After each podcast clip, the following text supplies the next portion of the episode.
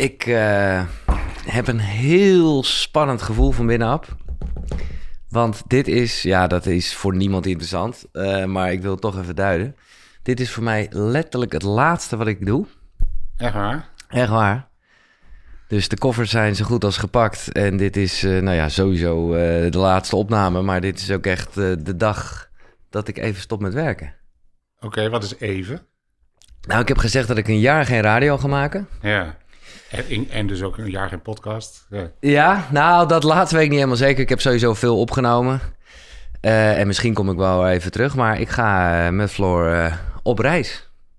Kijk. Ja, Ja. en dan is het fantastisch Ja, dat, dat, ik jou spreek. Sterker nog, jij komt ook net terug van een reis. Ja, 2,5 week naar India geweest. Oké. En dus nu ben je, weet ik ook door jouw inspiratieboek, weer helemaal fris en, eh, hoe zeg je dat?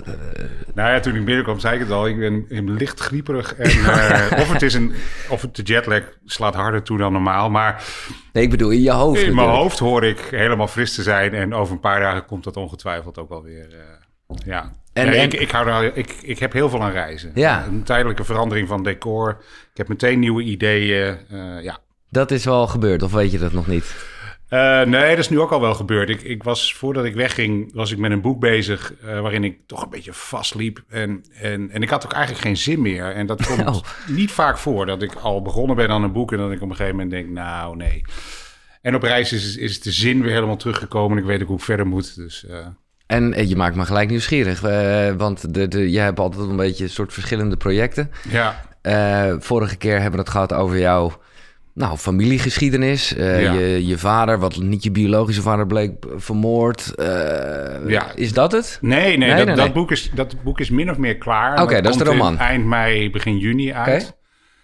Ehm, nee, nu was ik weer, eh, eigenlijk weer bezig met iets, met iets psychologisch, iets, iets wetenschappelijks. En ehm, eh, ik, weet- op een of andere manier, ik weet nog niet eens precies wat het gaat worden. Wel Oh, iets mooi. over hele fundamentele wetten in de psychologie. Maar ehm, ja, ik was een tijdje enthousiast en toen eh, vervloog dat. En in, midden, ja, na, na een week India kwam het hele enthousiasme weer terug. En we, we hebben een hele actieve vakantie gehad. Ik was ook met mijn, met mijn zoon en mijn schoondochter. En ik wilde ze van alles laten zien, want ik was al wel een paar keer in India geweest. Dus die eerste twee weken waren heel ehm, druk en vol. Maar toen zijn we geëindigd met vier dagen strand in Goa. Ja.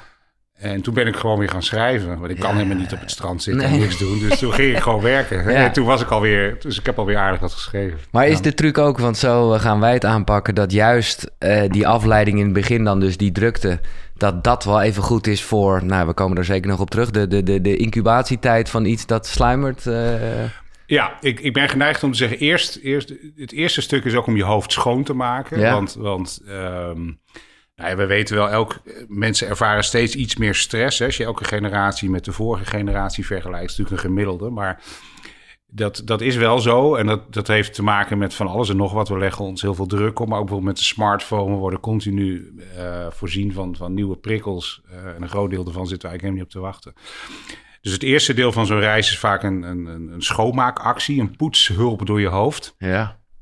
En dan begint het, eh, het, het, eh, het, stimuleren in termen van mijn boek. En ook Ja. het incuberen. Ja. Nee, want ik heb zelf wel gemerkt, en daarom ben ik ook blij dat ik eerst de gekte ga opzoeken van Tokio en zo. Ja. Dat, eh, ja, weet je, voorheen ging ik altijd gewoon, of nou, dat is al wel lang geleden, maar dan ging ik gewoon strand, resort.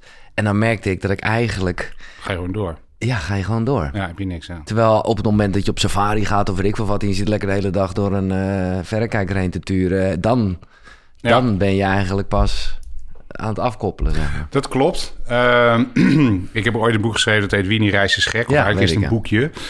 Nou, daar superleuk boek. Het heeft me nog inspiratie gegeven voor mijn reis. Oké, zeggen. nou, helemaal goed. Ja.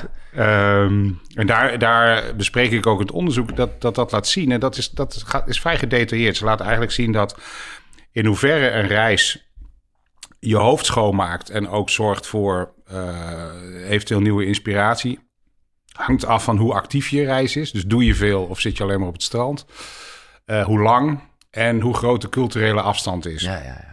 Dus als jij naar, uh, ik wou zeggen België, maar België is eigenlijk best een, heel ander land dan Nederland. ik bedoel ik op een positieve manier overigens. Maar uh, als, jij, als jij naar, uh, nou ja goed, als je naar Duitsland gaat, dan, dan, dan gaat het minder snel dan als je naar Tokio gaat. Dus eigenlijk voor mij een aantal landen die, die voor mij het beste werken zijn landen als India, maar ook, ook Japan. Dat, Ja. Dan is de culturele afstand is maximaal. Je krijgt heel veel nieuwe input.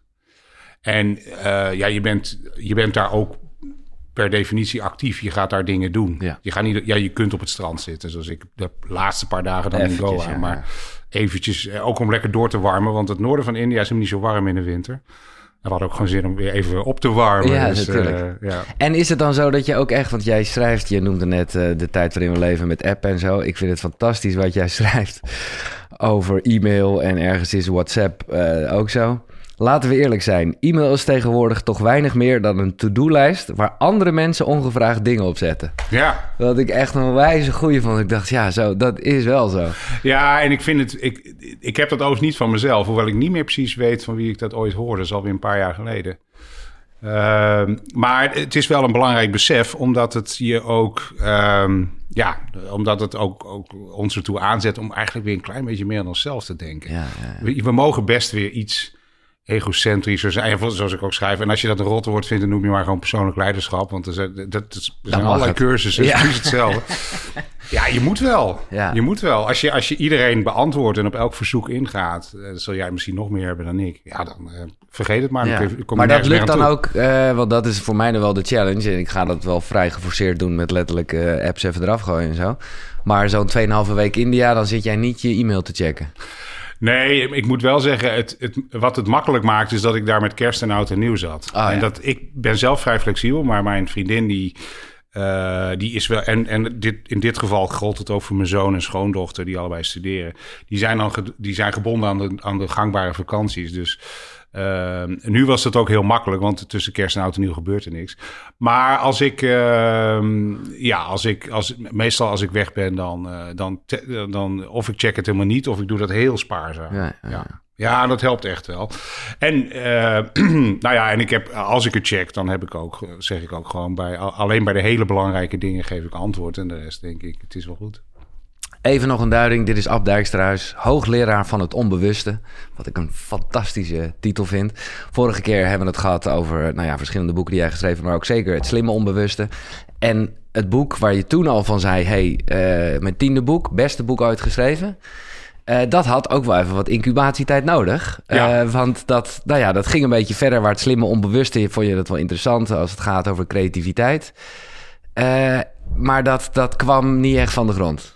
Nee, het was best een gedoe. Ik had Slim Onbewuste geschreven in 2005 en 6 en in 2007 kwam het uit. En toen, ehm, toen merkte ik dat ik het hoofdstuk over creativiteit het leukste hoofdstuk vind, vond. En daar wilde ik iets mee. En toen dacht ik eerst, ik ga een boek schrijven over creativiteit en het onbewuste. En toen heb ik ongeveer een half jaar lang van alles en nog wat gelezen. En toen dacht ik, eh, nee. En Ook toen- moeilijk om het wetenschappelijk te maken, wat toch natuurlijk jouw, jouw achtergrond is. Ja, hoewel ik op dat moment nog dacht... En dat was wel terecht, want als ik het nu doe... dan gaat het te veel lijken op het slim onbewust. Dat moet niet Ja, doen. ja. Toen heb ik een tweede poging ondernomen. Ehm, en dat, dat, nou, dat, dat, dat, dat was ook niet, niet echt... Een, nou, dat was niet eens echt een poging. Laat ik zeggen, in 2015, dus pas acht jaar na het slim onbewuste... Toen, toen kreeg ik in één keer het idee... en het was ook op reis in Ecuador, eh notabene... Toen, ehm, toen besefte ik, waren in Quito, de hoofdstad... en dat is, best merkwaardig. Daar hebben de Spanjaarden, de kolonisten... hebben in de 16e eeuw al vier enorme kerken neergezet. En dat, daarna gingen ze daar ook gewoon mee door. En zo, zo, die kerken, dat duurde ongeveer 70 jaar per kerk. Eh, en toen, toen, dan moet je je voorstellen, je gaat met een, met, een, met, een, met een wankele boot, ga je de hele wereld over en dan kom je ergens aan in een, in een ontoegankelijk oerwoud. En dan moet je nog een paar weken lopen voordat je een plek vindt hoger in de bergen waar, waar het klimaat geschikt is om, eh, om, om een stad te stichten of een dorp. En dan zeg je, weet je wat wij gaan doen? We gaan eerst eens vier hele grote kerken bouwen. We doen er 70 jaar over, dus ja, wij zullen het einde zelf niet meer zien. Maar reken er nou maar op dat het goed is. En eh, ik vond het eigenlijk zo'n merkwaardig idee. En toen dacht ik, ik wil geen boek schrijven over creativiteit. Ik wil een boek schrijven waar ook eh, motivatie een hele grote rol in speelt. En dat komt bij elkaar in inspiratie. En Ja. toen dacht ik, oké, het moet een boek worden over inspiratie. Dus dat was eigenlijk de tweede, het tweede moment. Toen ben ik weer gaan lezen. Toen, kreeg ik toch op een gegeven moment weer moeite mee. Toen stond het me niet helder genoeg voor ogen. Drie jaar geleden ben ik voor de derde keer begonnen. Toen heb ik echt anderhalf hoofdstuk geschreven. En toen liep ik in één keer muurvast. Toen dacht ik, ja. Geen inspiratie meer. Nee, precies. Nee, dat zei de eerste radio. Ja, de inspiratie als je 14 jaar over een boek doet. Ik heb nooit zo lang over een boek gedaan. En eh, vorig jaar september... eh, of nee, inmiddels is het eh, september 21. Toen dacht ik, eh, nu, toen stond het me in één keer helder voor ogen. Ook weer net na een reis. Ik was die zomer flink weg geweest. En toen, eh, ondanks corona. En toen dacht ik, nou weet ik het. En toen stond het in zes maanden op papier. Dus dat, dan valt het dan... Als je, het- als je het dan eenmaal weet, zo Dan- gaat het bij mij altijd... dan gaat het ook vrij snel. Ja, ja, ja. Ja. Maar vond je nog wat ik zeg, en dat komt een paar keer terug, dat er relatief weinig onderzoek naar is. En ik kan me voorstellen, nou, ik weet niet hoe dat zit in jouw scene, maar, maar ja, eh, het is toch wel wetenschap wat, wat, wat jou kenmerkt. En nou, ik zeg niet dat je op glad ijs be- begeeft, helemaal niet, maar het, is, het is een moeilijk te ja, vatten iets, toch? nou, ik denk dat dat wel even de reden is dat ik er langer over gedaan heb. Als je kijkt naar het slim onbewuste of op naar geluk, dat zijn boeken die, die ehm, bijna volledig rusten op wetenschap. Het is vooral de, dingen op de juiste manier met elkaar in verband brengen, de juiste volgorde, zodat je een goed verhaal krijgt. En dit is denk ik, eh, nou, 30% wetenschap, heel veel biografieën. Ehm, en, en, inderdaad- en, en voor de rest toch ook wel speculatie. En dat is eigenlijk heel leuk om te doen. Maar daardoor doe je er wel langer over. Ja. Ja. Maar is er nog kritiek gekomen vanuit jouw wetenschappelijke scene? Nee. Nee, nee, nee. Nee, er zijn wel. Dus ik, ik lees wel eens een, een, een, eh, review op iets als Goodreads. waarin iemand zegt. Ja, de vorige boeken waren wetenschappelijker. Ja, Ja, sorry, dat is zo. dat Dat, is dat, ook klopt ook zo. Maar nee, uit de wetenschap zelf niet. Omdat die, die collega's weten wel dat. Heel veel meer dan dit is er niet. Nee. Als je daar een boek over wil schrijven, dan, dan is dit het ongeveer. En, en eh, nee, die, er is juist veel waardering van goed dat je het, dat je het aangedurfd hebt. Nou, dat vind ik ook zeker. Want ik, het laatst beland ik weer in, eh, of nou niet echt in discussie, maar hè, werd, wat met Koekeroe beticht werd heel erg onder een soort wetenschappelijke loep gezegd. Terwijl ik dacht, ja, maar ja, dat is op zich niet waar ik het over heb. Nee. Alleen laten we ook niet zo, nou ja, als ik het dan maar spiritualiteit mag noemen en wetenschap, laten we dat niet tegenover elkaar zetten. Want ik Nee. denk dat het heel vaak elkaar kan helpen eh, voor inzichten en zo. Ik denk het ook. Wat je alleen niet moet doen is pretenderen dat je wetenschappelijk bezig bent als dat niet zo is. Nee. Eh, maar ik luister jouw podcast ook wel eens en dan zitten dan... eh, Het, ja, sommige verhalen zijn redelijk wetenschappelijk, andere nauwelijks. Maar ik, heb, ik, en, maar ik vind dat ook niet erg. En, en soms ben ik heel sceptisch, maar dat gaat Ja. niet om mij. Als je, ik, Maar maar als je- ik, ik maak nooit mee dat iemand eh, dingen vertelt die buitengewoon speculatief zijn en dan zegt het is keihard bewezen. Nee. Dat komt maar heel weinig voor. Ja, en dan is het wat mij betreft goed. Ja. Eh, over dat onbewuste waar dit, nou ja, nogmaals echt wel mee te maken heeft. Eén ding snapte ik niet zo. Tenminste, ik heb het slimme onbewuste goed in me opgenomen en, en er veel van geleerd. Maar ergens in het begin zeg je dan de conclusie... hoe groter en belangrijker de beslissing, hoe langer we na moeten denken... en hoe, eh, en hoe meer we daarbij ons onbewuste zullen moeten gebruiken. Maar dat is toch eigenlijk niet een soort actief het is toch juist niet dat actieve denken? Want het is niet zo dat je heel erg kan zeggen... nou, we gaan even lekker met het onderbewuste denken. Dat is gewoon iets wat gebeurt. Ik snap wel dat het meer tijd nodig heeft, maar... ik vond, vond het een beetje... Nou, als je, als je jezelf... Kijk, je onbewuste, eh, daar, daar gaan later hoofdstukken over. Je onbewuste luistert wel naar doelen die je stelt. Hè? Ja. Dus, als je, dus in die zin zou je het best een actief proces kunnen noemen. Als jij, eh, als jij samen met je partner nadenkt over... hoe gaat die reis eruit zien de komende maanden? Waar gaan we beginnen? Dan, eh, en, en je zegt op een gegeven moment tegen jezelf... nou, het is nu woensdag... Laten we even, eh, we gaan nu andere dingen doen, maar op zaterdag komen we er samen op terug. En dan nemen we de beslissing waar we beginnen. Nou, dat hebben jullie al gedaan, Ja, maar- Tokio. Ja. Op dat moment gaat dat onbewuste van jou en van je partner aan het werk. Ja, dus je kunt het wel voor een, voor een aanzienlijk deel aansturen. Ja, maar je kan het niet doen, dat bedoel ik meer. Het is niet... het- Nee, nee, zo simpel. Het is niet een knop. Nee. Maar wel, het is wel. Nee, het- dat hele boek gaat eigenlijk over hoe vergroot je de kans op inspiratie. Ja. Je kunt het niet zomaar helemaal afdwingen. Zo simpel is het ook weer niet. Nee. Nee. nee, maar je kan het wel inderdaad... Je Nee. kan de processen in gang zetten die de kans groter maken. Ja, als je heel voorzichtig wetenschappelijk Ja, ja, ja, ja. Laten we even... eh, nou ja, misschien ga ik wel gewoon een beetje de hoofdstuk af of niet. Maar eh, het begint een beetje bij eh, wat ik een mooi woord vind en niet ken om eerlijk te zijn. Evocatie, de roeping. Ehm, wat denk jij? Want daar voel ik, voelde ik me, wel... Ik ga een hoop dingen, denk ik, op, me, op mezelf betrekken. Want zo las ik het ook. En eh, jij haalt Mark Twain aan. Die zei, nou, er zijn twee belangrijke dagen. De dag dat je geboren wordt en de dag dat je je Dat je weet waarom, hè? Ja, dat je weet waarom. Ja, ja. Maar denk jij, kan het zo zijn eh, dat, je, dat, je, dat, dat die roeping verandert? Ja, zeker. Het is, eh, ik denk dat Twain, eh, ik, ik vond het een hele mooie quote. Hij zegt het weer zo heel kernachtig. Hij heeft veel mooie uitspraken gedaan. Nee, ik denk dat, ik denk dat sommige mensen nooit echt een, een, een roeping vinden, wat jammer is. Dus daarom geef ik wel een aantal, geef ik aan wat je, wat je een beetje kunt doen. Hè? Maar dat, dat zijn ook weer van die, het, is, het zijn ook geen keiharde oplossingen. En, Oh ja, ehm, kan, eh, om, om gewoon toch een tip te geven voor mensen die nu zitten met... oh, wat is mijn roeping, wat is mijn missie? Is het ook gewoon een beetje onderzoeken en nieuwsgierig zijn? Dat, Zeker, dat is het allerbelangrijkste. Ga dingen doen. Ja. Als jij nooit de gitaar eh, ter hand neemt, zul je nooit weten of je het leuk vindt om gitaar Nee. te spelen. Zo simpel is het. Ehm, maar ehm, nee, bij sommige mensen, eh, en, en dat zijn de leuke voorbeelden in het boek, om, die zien het in één keer en die blijven dat vervolgens ook 30, 40 jaar doen. Ja. Bij andere mensen zijn het een paar momenten die, die, die, die je bewust maken van, eh, van, van wat je wilt. Ehm, en zeker, je kunt ook op verschillende leeftijden, verschillende. Ik, ik denk dat veel mensen wel twee of drie of misschien wel vier keer. Ik heb zelf ook. Ik ben, ik ben, eh, ik ben begonnen als wetenschapper. En dat, dat is wel echt een evocatie. En ik zie mezelf inmiddels meer als schrijver dan wetenschapper, hoewel ik ook nog wel wetenschapper Ja, ben. ja, Ja, Nee, oké, maar dat, dat stemt mij eh, tevreden. Omdat ik ook wel, nou ja, voor mij was, spreek ik in de verleden tijd, ja, dat kan ik wel zeggen. Radio echt de roeping. Ja. En als je ook schrijft van je moet iets doen waar je ook eh, voor eh, zou willen betalen. Nou, dan wa- dat was letterlijk dat. Even los van het feit dat ik het jarenlang bij de lokale omroep deed voor de lol, weet ik nog echt dat ik mijn eerste betaalde baantje kreeg en dacht, ja, dit is echt omgekeerde wereld. ja, Want ik had gewoon geld willen betalen om dit te mogen doen. ja. Dat is op een gegeven moment behoorlijk veranderd. Het is ook wel weer grappig hoe, hoe zoiets ontstaat.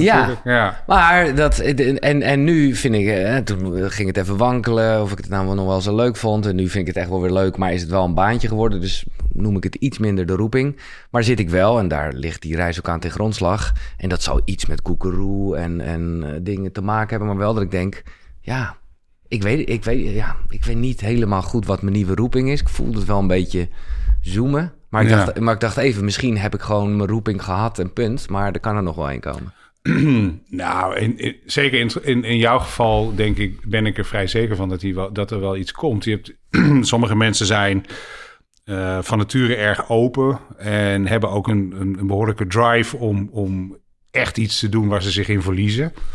Soms is dat ook bijna vluchtgedrag. Ik, ik weet dat, dat eh, ik denk dat ik als ik als ik niet fanatiek met iets bezig zou zijn, zou ik denk ik behoorlijk gedeprimeerd worden.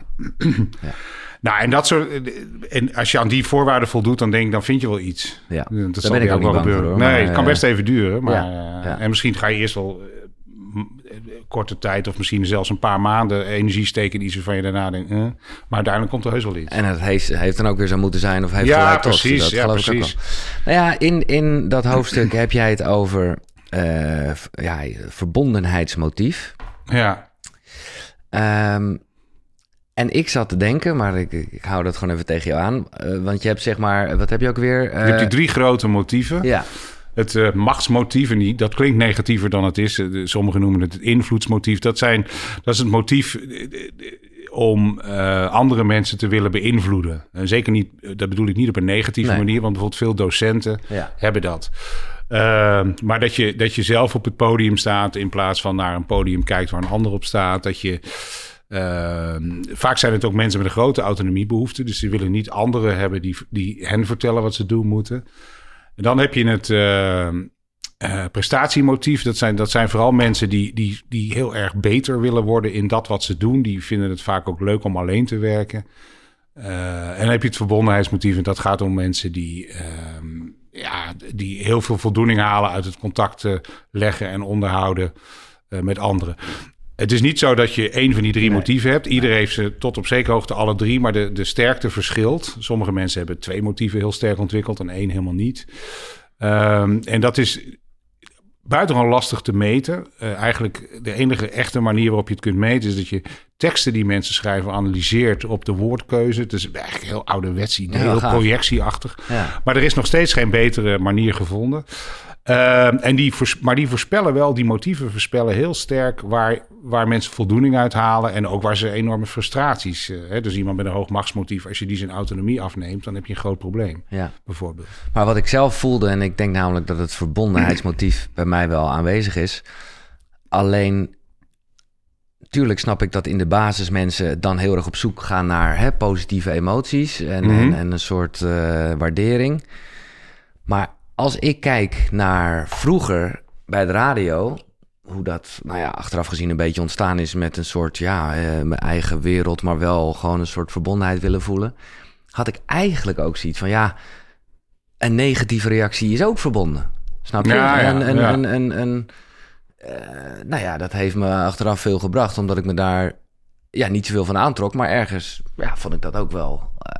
Ja, nogmaals, dat, ook dat is een soort verbondenheid. Ja, ja. Het is een beetje anti, maar... Ja, precies. Nou, het is wel zo dat de meeste, meeste mensen die hoog scoren op dat verbondenheidsmotief... kunnen juist niet tegen die negatieve. Nee. die raken meteen in de... die schieten in de stress. En, uh, maar goed, je hebt nog een eh, groot verschil tussen gewoon mensen in je omgeving... en in mijn geval een soort groep die je ook weer niet echt kent. Nee, dat is, maar, het is... Het is natuurlijk een hele... Uh, maar ik denk dat veel mensen die... Uh, die een beroep uitoefenen waarbij ze eigenlijk contact hebben met heel veel mensen, maar op een hele indirecte manier, zoals radio. Maar het geldt natuurlijk ook voor iemand die boeken schrijft. Ja.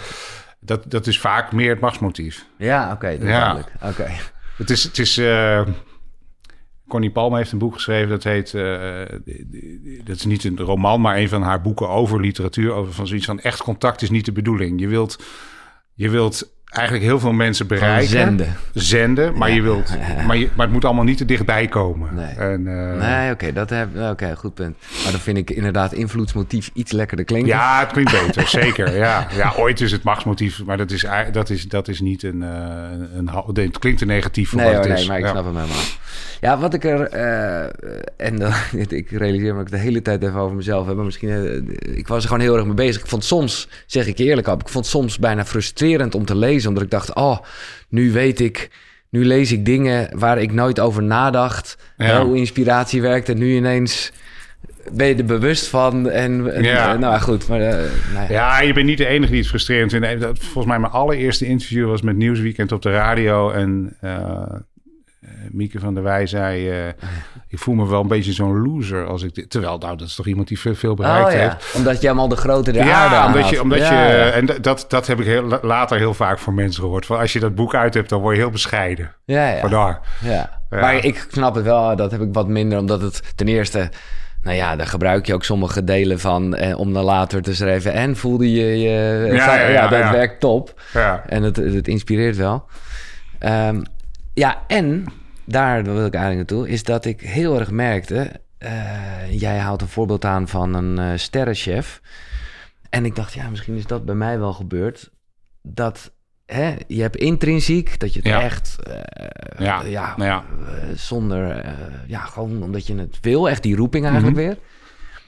weer. en dan heb je extrinsiek, wat dan heel erg een beetje voor de buitenwereld is. Zou je, zeg ik het goed? Ja, maar dat kan dus wel veranderen, zonder dat je daar erg in hebt. Ja, sterker nog, vaak, vaak gaat het veranderen. Dus mensen die veel bereiken in, in hun vak, zijn, die, die zijn bijna allemaal begonnen met, met veel intrinsieke motivatie. Want anders kun je niet veel bereiken. Want je moet beter willen worden. Je moet tegenslagen kunnen overwinnen. Je moet, zoals in jouw geval, vaak beginnen met als hobby dat je, dat je, dat je geen bied krijgt voor uren, vele uren in de week die je in iets steekt. Dus je hebt allemaal die intrinsieke motivatie in het begin. En dan, dan soms komt er steeds meer extrinsieke motivatie bij. En dat gaat een beetje Uh, en, en op zich is dat een beetje is niet erg. Ja, als je, als je, John Lennon is een mooi voorbeeld van, van iemand die in het begin heel intrinsiek gemotiveerd was. En daarna kwam er ook flink wat extrinsieke motivatie bij, maar zijn muziek werd alleen maar beter. Maar op een gegeven moment kan er een punt komen waarin de, de, de extrinsieke motivatie, en bij extrinsiek nogmaals gaat het vooral om wat vinden de buitenwereld van me? Krijg ik prijzen, uh, geld, status, mm. roem, dat soort dingen op een gegeven moment neemt dat het steeds meer over en duwt het de intrinsieke motivatie als het ware uit het nest, hè, als een koekoesjong. En dat dan, uh, en, en soms, bij ik in het boek gebruik ik inderdaad het voorbeeld van Marco Pierre White, een ongelooflijk getalenteerde chef, de jongste chef ooit die drie Michelin-sterren kreeg, een, een, een Brit. En die, ja, die wilde gewoon. Eh, het was echt een geweldige chef. Maar op een gegeven moment merkte hij dat hij het toch steeds meer deed om de waardering en om de sterren. En toen had hij die drie Michelin-sterren. En toen heeft hij ze eigenlijk gewoon ingeleverd. En gezegd: ja, het hoeft niet meer. Nee. En de gevaren zijn natuurlijk heel groot, omdat met, met, met sommige beroepen is de kans dat je bijvoorbeeld roem vergaart vrij groot. Uh, hè, dat, dat kan een schrijver zijn, dat kan radio zijn, maar dat kan een sterrenchef zijn. Dat geldt voor Tweede Kamerleden, bijvoorbeeld politici. Uh, soms gaat je salaris flink omhoog. Dus die, die, soms krijg je prijzen. Dat heb ik als wetenschapper flink wat prijzen heb ik als wetenschapper gewonnen. Nou, dat maakt je werk ook niet beter. Het, het is leuk. Het is een soort, soort knuffel van, van, van je collega's. Maar je wordt er eigenlijk niet beter van.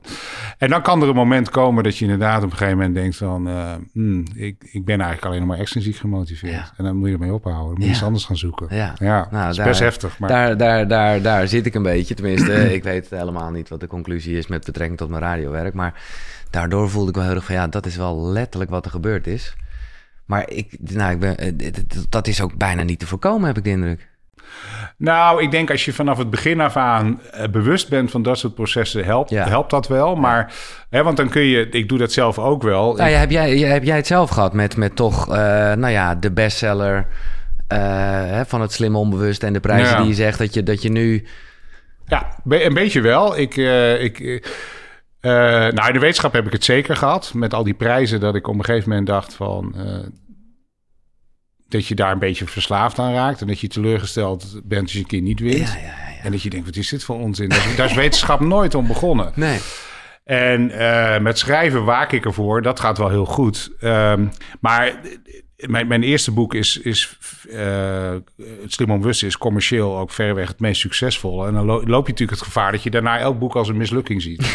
ja, dat moet je niet doen. Nee. En dat, nu ben ik me ervan, nu was ik me eigenlijk vanaf begin af aan wel bewust van. En dat, dat, dat helpt enorm. Ik heb ook in het boek uh, interview ik ook Emiel van der Staak, dat is een vriend van mij, die, die chefkok is van de nieuwe winkel in, Nijmegen. Ja. En die, uh, die, is, die is echt heel erg intrinsiek gemotiveerd. Dat merk je aan alles. Maar wat hem afgelopen jaar is overkomen. Hè. Eerst, eerst ja, twee Michelin-sterren vlak achter elkaar. Dan ook nog de groene ster. Nou is hij verkozen tot beste groenterestaurant in de wereld. Ja, ik sprak hem laatst weer. Hij, hij is daar ook heel erg mee bezig. Van hoe zorg ik ervoor dat ik niet die extrinsieke motivatie, dat die gaat overheersen. Dat ik ga denken van verdomme, ik moet die derde ster ook En wat, hebben. wat, wat geef je hem dan als uh, tip als vriend? Nou, je moet, je moet, je moet eigenlijk, je moet, het is een soort, soort kompas. Je moet eigenlijk elke keer even checken, vind ik het leuk wat ik aan het doen ben? Ja. En ook uh, jezelf corrigeren op het moment dat je, uh, ja, je moet ook niet te streng zijn voor jezelf. Maar als je, als je, als je uh, gedachten hebt die, die duidelijk uh, extrinsiek gemotiveerd zijn, ja, corrigeer jezelf dan. Ik weet nog wel met dit boek Inspiratie dat ik, dat ik uh, zeker in het begin hoopte ik dat het nog, het is best goed verkocht, maar niet zo goed als, als sommige andere boeken, dat ik op meer hoopte. En, dan, en, dan, corrigeer ik mezelf. Nee, daar gaat het niet om. Het gaat om die, om die mensen die, die het wel lezen en die het een nuttig of mooi of, of inspirerend boek vinden. Daar gaat, daar gaat het om. Je kan het ook even als een soort paard eh, even weer terug in de, ja. in de stal. Uh, ja. Ja, ja, En nou, wees, je en wees je bewust van de risico's. Hè? Dus roem, een hoog salaris, een hoge maatschappelijke status, prijzen die je kunt winnen. Dat zijn de dingen die ervoor zorgen dat intrinsieke of extrinsieke motivatie sterker kunnen worden. Ja. Nou schrijf je, die, dat snap ik niet helemaal, over dat intrinsiek Ehm, dat dat niet altijd ongevaarlijk kan zijn. En dan heb je een voorbeeld dat ik nog wel uh, herkende uh, van André Rieu, die uh, tijdens de pandemie bij op één, nou eigenlijk met tranen in zijn ogen ja. zit te kijken naar beelden van iets dat op dat moment even niet meer kon doorgaan, namelijk een concert. Maar dat is toch niet gevaarlijk? Dat is machtig mooi. Nou, ja, met gevaarlijk bedoel ik, het kan, het, het kan natuurlijk heel frustrerend zijn als je als je door omstandigheden je, je, je roeping, je, daar waar je de intrinsieke ja. motivatie voelt, niet uit kan voeren. Maar ik ben het helemaal met je, met je eens. Het is oneindig. Maar ik vond het ook geweldig om te zien. Want ik, ik moet heel eerlijk zeggen, het is helemaal mijn muziek. Nee. Maar ik zit te kijken naar het op één. En ja, ik vond het zo'n fantastisch. En je zag ook dat het zo 100% gemeend was. Absoluut, Zoiets acteer je niet. Nee. Dus ik dacht meteen, ja, dat, dat moet ik Ja, gebruiken ja, ja. in het boek. Ehm, dan ja, hebben we dus over evocatie gehad. We zitten nu al een beetje te praten over, over eh, motivatie. Waarbij eh, je dan weer even, nou, ik weet dat we daar vorige keer over gehad hebben, intuïtie, wat ik een machtig mooi eh, ja, iets vind. En dan schrijf je over, vond ik echt mooi. Intuïtie is een schitterend instrument. Een intuïtie is het resultaat van onbewuste verwerkingsprocessen dat je samengevat in een gevoel vertelt wat je moet doen. Ja, ja, dat is het. dat is het. Ja, dat is het. Ja. Die kwam er zo uit of niet? Want ik heb het hier vaak over dit. En nu, ja, dat is natuurlijk ook een beetje jouw wetenschappelijke bril. Dat je elk, nou niet elk gevoel eruit haalt, maar het sowieso. Nou, ik denk dat ik dat, ik denk dat ik dat vele jaren geleden al verzonnen had hoor. Want dat, dat is natuurlijk ook relevant voor eerdere boeken. Eh, nou, deze zin, deze zin zal ik best even over nagedacht hebben hoe ik hem, eh, hoe ik hem precies en heel kernachtig moet formuleren. Maar eh, ja, zo denk ik al heel lang over. Dat is wat intuïtie is. Maar dan weer even terug naar, naar, naar inspiratie, hoe dat bij jou gaat. Is dat dan, ja, dat, dat weet je ongetwijfeld niet meer, maar is dat dan inderdaad echt even het wandelingetje of het momentje en dan komt die zin tot je? Of, of...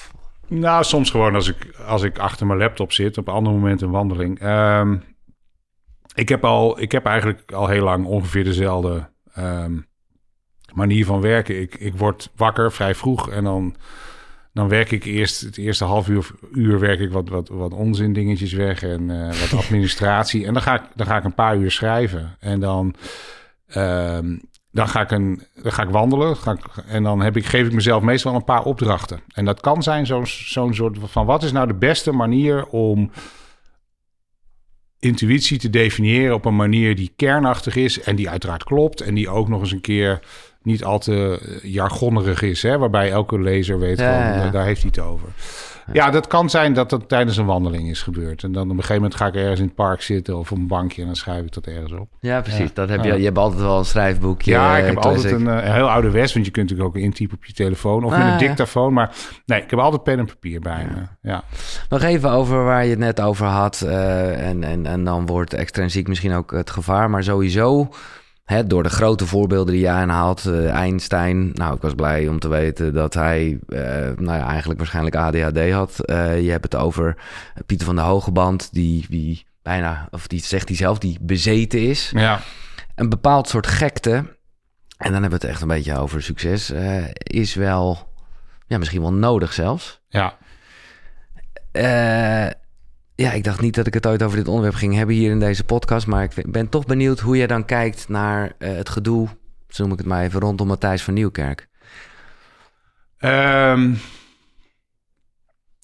nou ja, laat ik het zo zeggen. Je hoeft niet, je- ik, het, is niet het is niet zo dat ik die, die gekte propageer. Nee. Maar ik zeg wel van veel mensen die heel veel bereiken...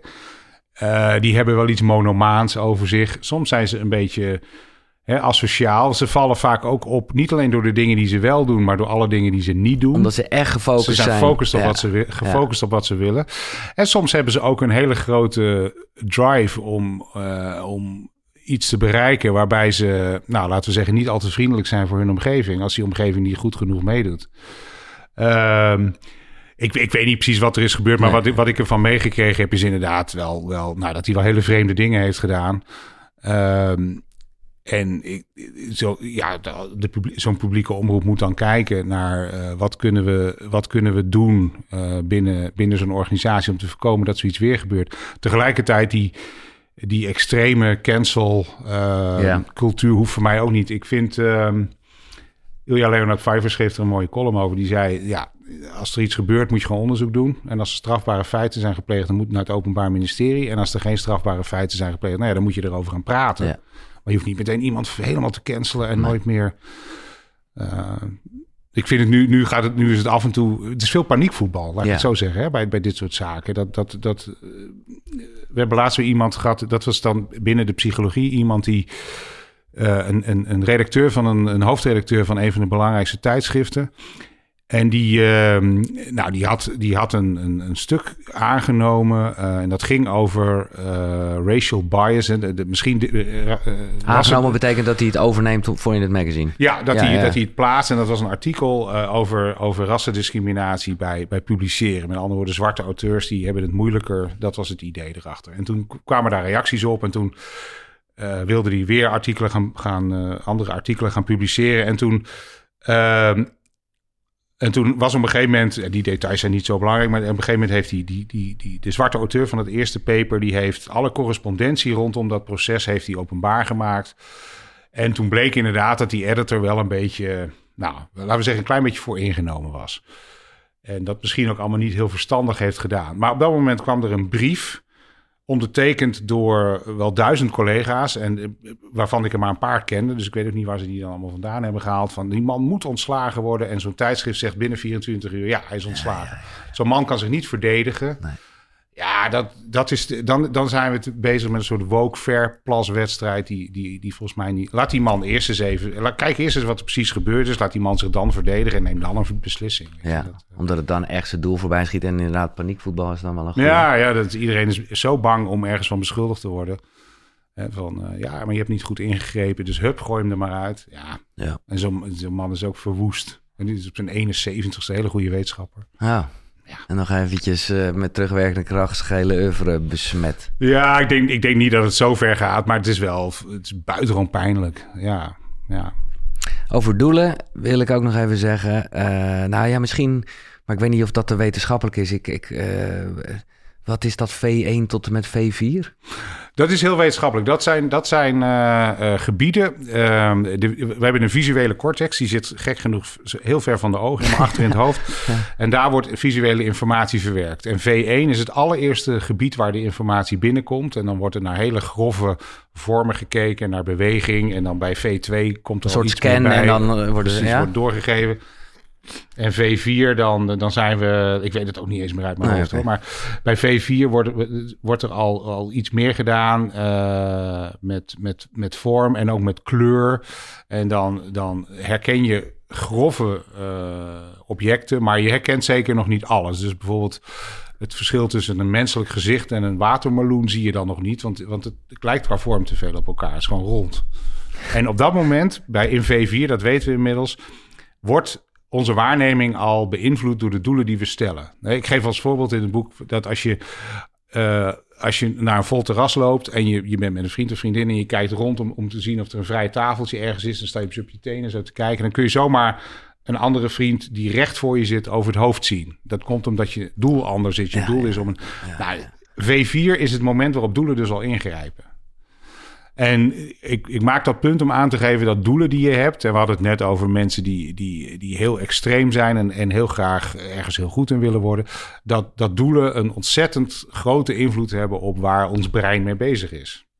En dat hoe sterker je doel is, hoe meer breincapaciteit je, je aan het werk kunt zetten voor dat doel en hoe meer je ook bereikt. Ja, en dus zeg je ook, hoe groter het doel eigenlijk, hoe, hoe beter. Ja, ja, hoewel je er op een gegeven moment dus wel een beetje een, een moeilijk persoon van kunt worden, omdat alles door dat doel. Hè, dus, dus of, of in ieder geval op zijn minst heel monomaan. Zijn die mooie voorbeelden van, van, van Beethoven, die op een gegeven moment in een restaurant gaat zitten om te lunchen. En die, die, en die begint meteen, uh, en die hoort, die hoort nieuwe, nieuw, nieuw, nieuwe muziek en die begint dat zo op te schrijven. En de ober die wil hem niet storen. Uh, en bovendien, je moet hem echt, je moet hem echt, je moest hem in die tijd al echt met een handbeweging of zo tot aandacht brengen, want hij was doof. Oh, okay. Hij was ook nog doof, dus okay. je zit daar zo te schrijven. En die ober, elke keer komt hij terug. Nee, ze nog steeds, nou, laat maar. En na een uur is Beethoven klaar en zegt hij, mag ik afrekenen? Maar hij heeft nooit iets besteld.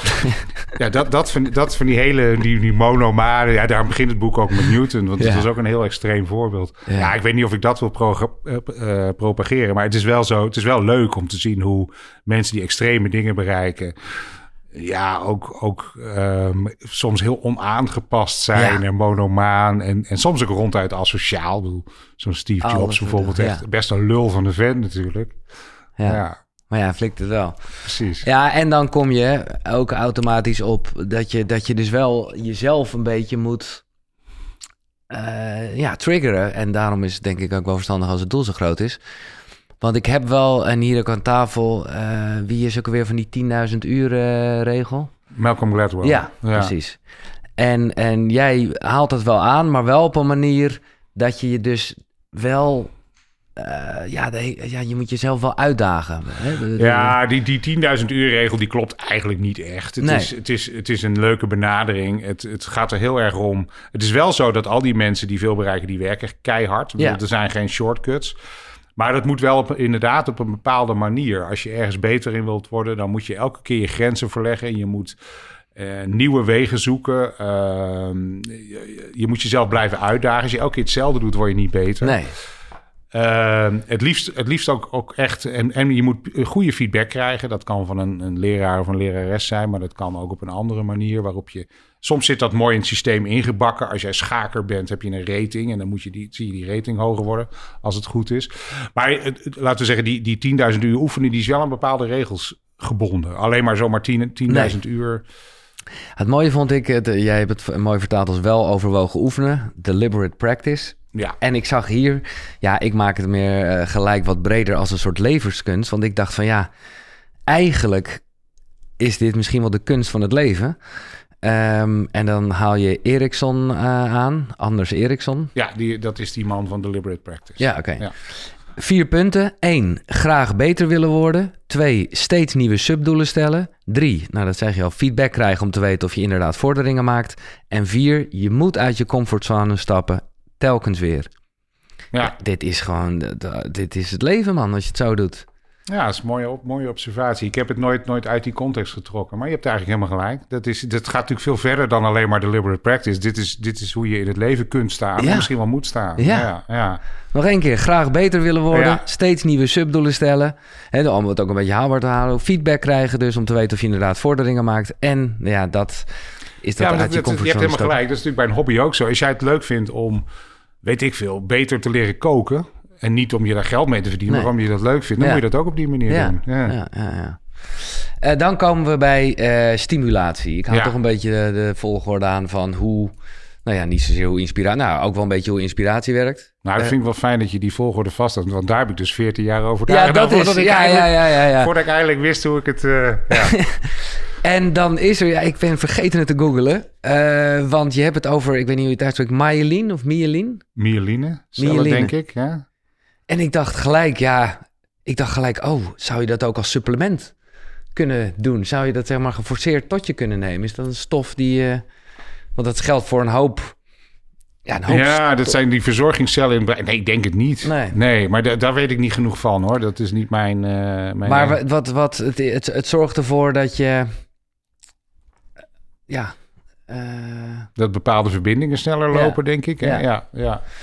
En, en dan komen we bij eh, weer even techniek. Ik heb weer een hoop dingen geleerd. Eh, divergent en convergent denken. ja. Wil je dat even uitleggen? Ja, convergent, of, eh, nou, divergent beginnen. Divergent denken, dat is, dat is eigenlijk het creatieve denken. Dus zomaar brainstormen en allerlei wilde ideeën verzinnen. En convergent denken, dat is ehm, kijken of iets haalbaar is. Ehm, ook weer ideeën weggooien, om, omdat je zegt, ja, maar zo moet het niet of hier kunnen we niks mee. Ehm, en convergent denken is ook een hele concrete oplossing zoeken voor een probleem. Zou je bijna kunnen zeggen: divergent is onbewust en, en convergent is bewust? Of Nou, dat, dat hangt behoorlijk samen in ieder geval, Ja. dat is duidelijk. En, eh, en je zou het ook zo kunnen zeggen, divergent denken is, is, is het gaspedaal en convergent denken is de rem. En wat die je je dus ook wel nodig hebt, misschien? die ook wel, ja, Ja. ik zeg ook in een, in een organisatie heb je eigenlijk beide soort mensen nodig. Maar wat, wat blijkt eigenlijk uit onderzoek naar creativiteit is dat, dat, eh, dat divergent denken eigenlijk behoorlijk is aangeboren. Jonge kinderen zijn vaak bijzonder creatief en die kunnen met allemaal gekke dingen komen. En convergent denken is veel meer aangeleerd. Dat kun je steeds beter naarmate je ouder wordt. Dan kun je inschatten of een bepaalde oplossing voor een probleem, of dat realistisch is of niet.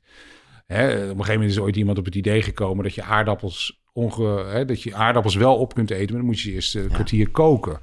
Nou, dat is ook, iemand moet dan ook gezegd hebben, ja, maar kunnen we dat, met, kunnen we dat elke keer gaan doen? Hè? Ik weet niet wanneer dat was, maar ik neem aan dat het vuur al wel bestond. Maar, nou, maar het probleem met, met veel creativiteit is dat mensen te weinig creatief zijn en te weinig doen met hun ideeën, omdat het convergente denken veel te veel gaat overheersen. En convergent is ook een beetje de, de mopperende sceptisch, scepticus. Van ja, maar dit, dit heeft geen zin en dat kun je wel proberen, maar dat werkt toch niet. En, en dat, uh, dat moeten we eigenlijk weer een beetje afleren. En veel mensen zouden er baat bij hebben om wat meer te geloven in de wilde ideeën die ze hebben. Ja. Maar ja, dat hangt van. Er zijn natuurlijk ook weer mensen bij wie je dat, dat denkt van hadden die maar weer wat. Hè, bij Poetin zou ik denken iets meer convergent denken. Was misschien een goed idee geweest, sukkel. Ja, dus, dus dat is hangt natuurlijk van de persoon af. Ja.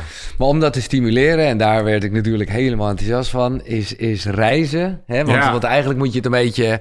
Hè, je moet het opschudden. Ja, ik zie het brein soms letterlijk als een kussen. Je moet het opschudden. En dat doe je, dat kun je op allerlei manieren doen hoor. Ook door theater gaan en goede boeken lezen. En maar een hele mooie manier is, is van decor veranderen. Een tijdje ergens anders gaan wonen of, of een flinke reis maken. Ja, dat werkt eigenlijk bijna altijd. Als je maar open genoeg bent. En als je, als je de, hè, sommige mensen worden een beetje angstig van gekke, verre culturen. Ja, dan werkt het niet meer. Je moet het wel leuk vinden. Je moet er wel ook weer inderdaad open voor staan. Ja. En dus, ja, ondanks dat je het misschien niet zo helder voor de geest hebt, maar maak het groot, wel een soort, ja, iets hebben waarnaar je streeft. Ja, dat, dat, dat, dat ook als je in een moment zit, en misschien heb jij dat nu een beetje, dat je, dat je nog niet weet wat de volgende grote stap is, dan moet je er. Eigenlijk het enige wat je nodig hebt, is, de, is het geloof in het feit dat dat wel komt. Mhm. En dan wordt het vanzelf wel steeds zichtbaarder. Ja. Daar, daar ben ik van overtuigd. Uh, en dat kan best even duren. Um, en dan, maar dan is inderdaad een, uh, een, een, een, reis waarin je veel nieuwe prikkels verwerkt. is een hele goede manier. En dan kom je bij accommoderen, waarbij ik zelf juist een ja, associatie heb, maar dat komt weer de accommodatie van een beetje, nou ja, terug in je huisje, zeg maar. Ja. Maar. Nou, dat is het ook wel. Het is, het is je hebt een huis uh, en je, je je ziet allemaal dingen die er niet in passen. En jij zult moeten zorgen dat het wel past. Ja, dat is accommoderen. En dan kun je weer verder. Ja. Kijk, als je dat niet doet, dan wordt het te verwarrend. Dan krijg je een soort overkill aan informatie. Dus je moet het een beetje weer in een hokje stoppen. Ja, ja, dat, dat is, en dan begin je weer opnieuw. En dat is eigenlijk wat je doet. Ja. Hmm. En maar dat is dat proces is voor je brein als, uh, als heel goed eten voor je lichaam. Dat, daar, daar floreert het op. En, uh, ja, wat ik, wat ik soms wel een beetje een soort haaks op elkaar vind staan. Maar ja, we hebben natuurlijk verschillende onderdelen in ons brein. Omdat we ook heel veel hè, uh, niet juist dat oncomfortabele niet willen opzoeken. Een soort uh, angst voor het onbekende, ja, uh, gevaar. En tegelijkertijd is daar ook heel erg de behoefte tot allerlei nieuwe informatie. En dus juist wel, ja, gelukkig maar, maar ja, je, moet het, je kunt het misschien het beste vergelijken. een hele simpele vergelijking met het trainen van spieren. Als je te ver gaat, kan je spierscheuren. Ja. En dat geldt natuurlijk voor het psychologische aspect ook wel. Als je iemand die nog nooit buiten West-Europa is geweest, eh, met jou meestuurt naar Tokio, dan neem je risico, want misschien is dat gewoon te veel. Ja. Uh, en ik krijg dat ook vaak van jongeren, zeker sinds ik uh, Wienerreis gek heb geschreven, van die mailen mij dan van waar zal ik naartoe gaan. Ik vind wel heerlijke mails. dan kan ik meedenken over iemand anders vakantie. Iemand anders reis. Maar dan zeg, ah ja, zeg ik ook mensen die nooit verder zijn geweest dan, dan Spanje of Frankrijk. Zou ik niet zomaar naar India sturen. Nee. Hè, dus het moet, uh, het, het, moet, het moet, je moet lekker een beetje buiten die comfortzone stappen. De boel moet goed opgeschud worden. Maar zonder dat het zo'n stressvolle ervaring wordt dat het tot angst leidt. Want dan heb je er niks meer aan. Dan is alles weg. Nou, dat vind ik wel echt mooi. Hoe je letterlijk schrijft, ook weer wetenschappelijk, dat, dat uh, nou ja, stress of, of, of, negativiteit er echt voor zorgt dat het onbewuste niet lekker kan pruttelen. Ja, dat is wel duidelijk. Ja. Omdat we dan alleen maar. Ja, dat houdt een heel groot deel van die capaciteit vast. Angst en zorgen, zorgen die je maakt om iets. En, en ja, dat zijn, dat zijn hele vervelende processen, omdat die een heel groot deel van onze denkcapaciteit frustreren. Ja. En ik vind het ook wel mooi. Schrijvers zeggen dat bijna allemaal. Als je een roman wil schrijven, dan moet je eigenlijk uh, gelukkig zijn. Je moet voldoende gemoedsrust hebben. Zelfs als, alleen het vijf zijn, zelfs als ik over iets heel negatiefs schrijf, dan moet ik me eigenlijk heel goed voelen. Ja, ik vind dat, ik, ik heb dat ook gelezen natuurlijk. En ik dacht wel, maar misschien is dat dan gewoon later onderdeel van het verwerkingsproces. Bij artiesten weet ik heel erg, hè, als ik die, die interview en uh, dan weet ik gewoon altijd, oké. Maar dan komen ze vaak uit een slechte periode. Precies. Want dan weet ik dat het liedje. En dan, en dan weet ik. En maar op het moment dat ze dan helemaal. Oh, wat gaat het goed met de carrière? En wat zijn ze gelukkig in de liefde? Dan denk ik, nou. Ja, ja goed, voor, goed voor jou. Ja. Maar voor de muziek weet ik niet of het zo'n ontzettend. Nee, je, je haalt de inspiratie uit de ellendige periodes en je maakt het goede werk in de goede periodes. Ja, maar als je op een gegeven moment een beetje klaar bent, dan zou je bijna zeggen, dan moet je weer iets vervelends meemaken. Nou ja. dat, dat, dat raad je mensen ook niet aan. Maar dat klopt wel. Ik denk dat dat, dat, dat in zijn algemeenheid wel... wel eh, Maar goed, je moet dus wel in een lekkere staat zijn over het algemeen. Om de inspiratie. Ja, er eh, zijn ook wel weer uitzonderingen. hè. Ik haal ook Ian Curtis aan. Maar vaak wel. Ja. Ja. vaak heb je een zekere mate van gemoedsrust nodig... om überhaupt iets creatiefs te kunnen maken. Ja. Want dat brengt me op iets en dat komt de hele tijd terug. Eh, dat gaat over, over inspiratie is besmettelijk, moraal is besmettelijk. Vond ik een fijne gedachte. Ja, Eh, eh, kunst baart kunst, schrijf je op een gegeven moment. ja. Hoe, hoe, maar, en, maar ja, werkt dat dus ook andersom? Namelijk negatief. Dus, dus nou ja, een slechte moraal. zeker. Ja, precies. Ja, ja. Ja, daarom is het... Maar dan, dan eh, ik, wil niet, ik ben niet een doemdenker en ik vind dat er fantastische dingen en mooie dingen gebeuren in de wereld. Maar, nou ja, dan, dan hè, als we het weer even terug gaan waar we mee begonnen over social media en dat soort grappen. Wah, dan vind ik dat nogal wat. Ja, dat, de- ik, ik maak me daar ook wel zorgen over. Ja, oh, er zijn verschillende ontwikkelingen natuurlijk. Maar eh, wat, wat bijvoorbeeld echt wel iets is waar veel wetenschappers zich over buigen... en dat, dat vind ik toch een serieus probleem... is dat, is dat eh, beeldvorming voor een heel groot deel bepaald wordt... tegenwoordig door sociale me- eh, social media... waar de meest extreme mensen het meest vocaal zijn... en dat hele grote gebied daartussenin... Ja, dus het polariserende is wat Ja, je ziet. eh, maar dat, dat, dat, dat en op een gegeven moment worden ook hele gekke conclusies getrokken. Er werd er gezegd, eh naar aanleiding van de, van, de, van de pandemie... het was nog te- terwijl de pandemie bezig was, werd er gezegd... mensen hebben steeds minder vertrouwen in de wetenschap. En dat komt door die geluiden op sociale media... en dat er een klein deel van de bevolking eh, ook zich niet wil laten vaccineren. En die ga je dan wappies noemen. Dat moet je ook weer misschien niet Nee. doen. Hè? Dat gaat ook weer ver. Maar dat, dat, dan hoor je de meest vocaal... En, en, en dan ga je dat onderzoeken met z'n allen. En dan blijkt gewoon het vertrouwen in de, in de wetenschap nog nooit zo groot geweest. Dus er is een hele grote middengroep van, ja. laten we zeggen, redelijke meningen... van mensen die je eigenlijk helemaal niet, eh, niet hoort. En, eh, maar die zou je wel moeten horen, want dat is, dat is de grote groep. Precies. En die, en dat zeg ik ook namens mezelf, die, dan kan je soms het gevoel hebben dat je een kant moet kiezen. Ja, Eh, terwijl je gewoon denkt, nou nee, nee. nee, de nuance mag best. Ja. ja, ja. Dat, dat grijze midden, dat klinkt Ja, een beetje en surf, dat maar- geldt voor zoveel verschillende onderwerpen. Dat is echt wel een, ja. Dan, kijk, ik ga natuurlijk altijd kijken hoe ver je... Nee, niet dat ik je zo heel graag spiritueel heb, maar ik vind het leuk om, om, om die zaken te combineren. En toen ineens ging het over iets wat ik heel erg ken van mensen hier aan tafel... die eh, nou, daar heerlijk over kunnen nou, filosoferen of zweven, zo je wilt. De, de nervus vagus. Ik vond het Hmm. echt top dat die eh, bij jou eh, nou ja, ter sprake kwam. ja. Omdat dat... Maar dat heeft ook iets onverklaarbaars, toch? Of hoe...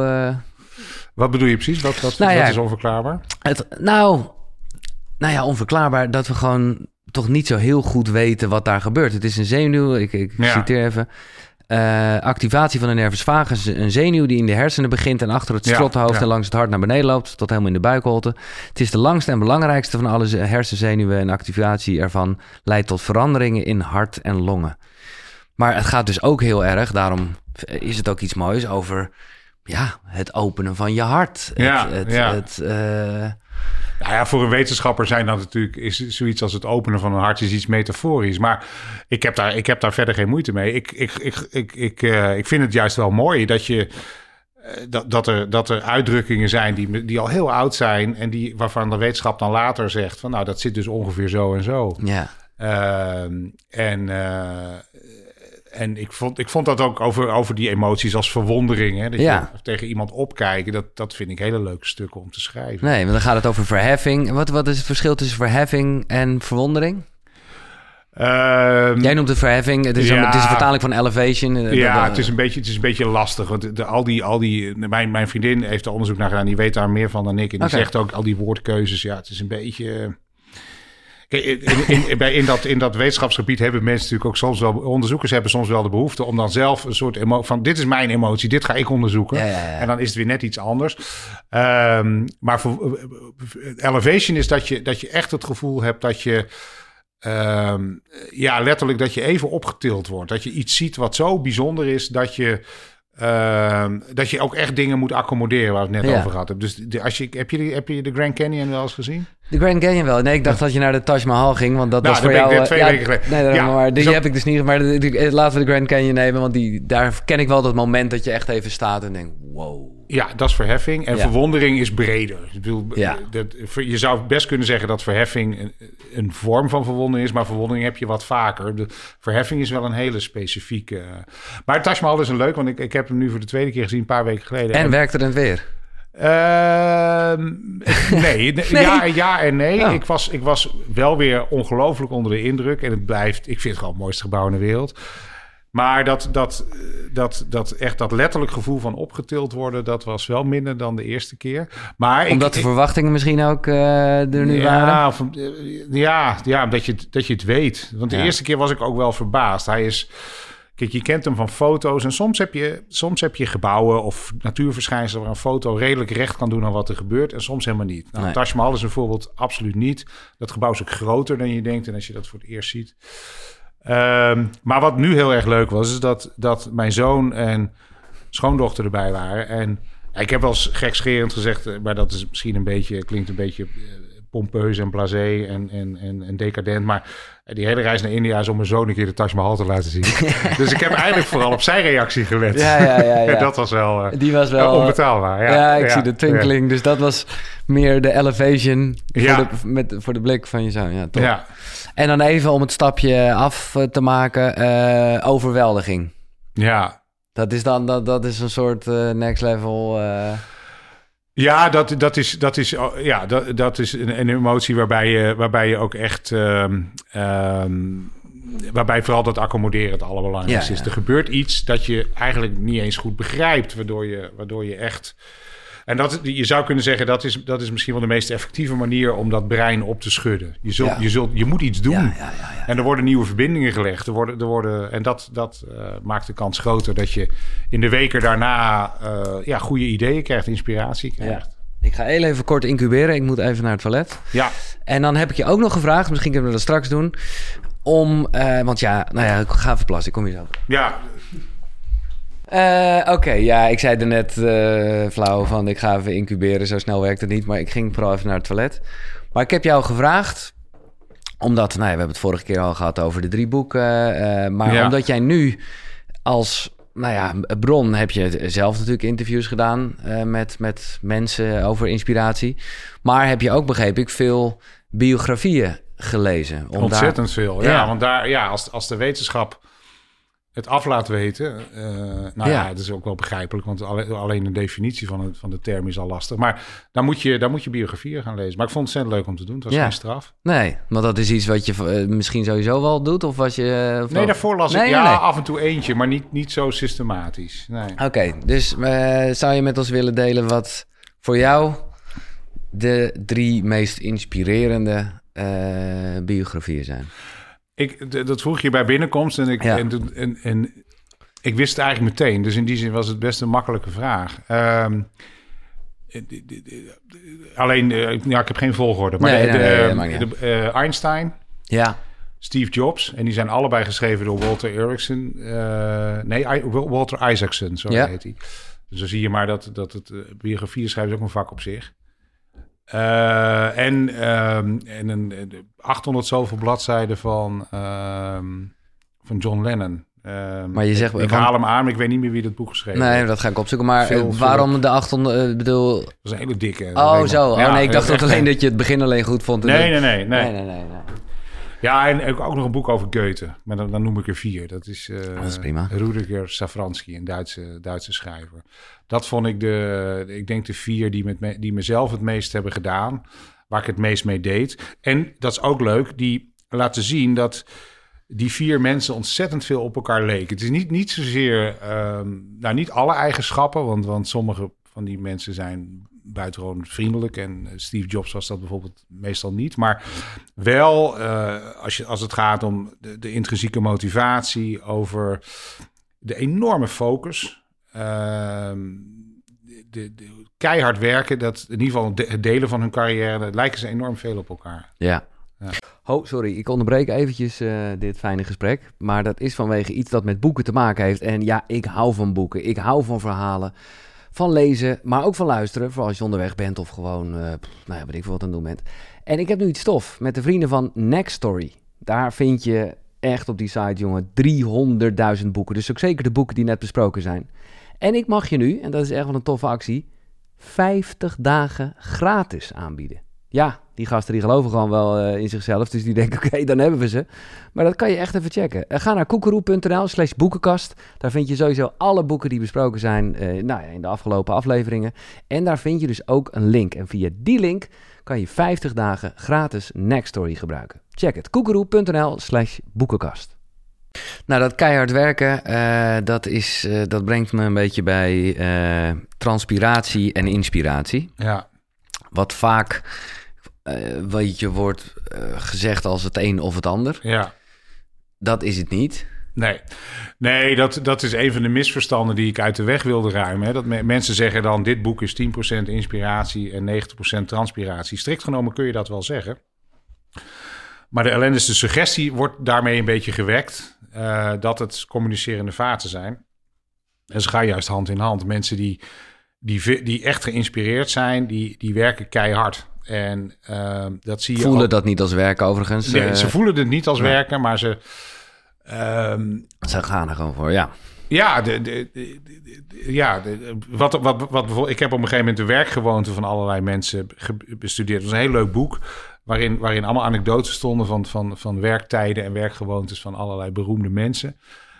Uh, en dan zie je bijvoorbeeld hoeveel mensen om half zes, zes uur opstaan. Uh, van, van, van, van, van Mozart en allerlei schrijvers en noem maar op. Het, zijn, zijn allemaal. Uh, en ook dat dat, dat misverstand van, van vooral schrijvers en dichters, dat zijn allemaal Nacht, drugsgebruikers oh, nachtdieren. Ja, Dat is allemaal onzin. Dat, dat, nou, sterker nog. Het is af en toe wel eentje, maar de meesten doen het helemaal niet. Die werken veel discipline ook. Gewoon zes uur wakker, zeven uur achter je bureau. De grootste nachtdieren vond ik wel opvallend. Dat was jij, uh, althans, dat zijn de wetenschappers. Ja, dat zijn, dat zijn dan degenen die, die af en toe nog wel doorgaan omdat ze iets niet los kunnen laten. Ja, ja, dat klopt. Ja. Terwijl inderdaad die artiesten dan gewoon al... Die eh, slapen dan. Ja, ja, die, ja. die zijn uh, met een belangrijk proces bezig. Namelijk uh, de incubatie. Ja. Um, je omschrijft het mooi met, hoe heet zo'n beest? een walvis. Een walvis. Denk eens een walvis, ja. Ja, dus af en toe even boven water komen of even, even, dat water en, en, en, weer terug.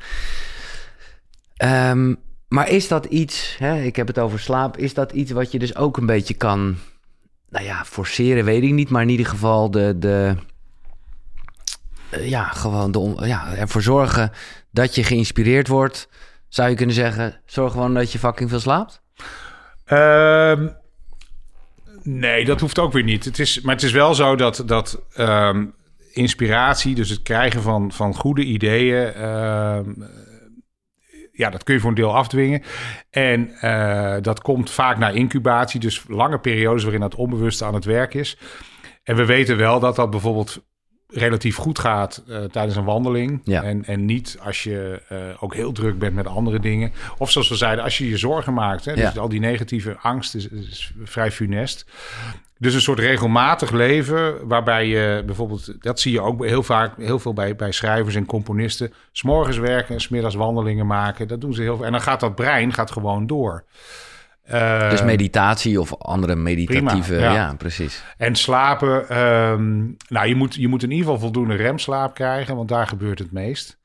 Uh, ja, en wat we ook weten, dat is dan wel weer jammer. Uh, dat als je te veel zuipt uh, s'avonds, dan is die, nacht, die nachtrust, daar heb je veel minder. Dan slaap je niet echt, hè? Nee, nee dus, en, en natuurlijk, je, je hebt soms ook juist om eh, ik, ik, herken dat bij mezelf, maar ik ken dat bij meer mensen. Dat als je, dat je s'avonds nog soms zo druk bent in je hoofd. Een paar glazen wijn, ja, ja, een paar biertjes zijn wel fijn. Ja. Maar, maar tegelijkertijd weet ik dat dat, dat mijn nacht weer minder uh, productief maakt. Ja, goed, dat is dan zo.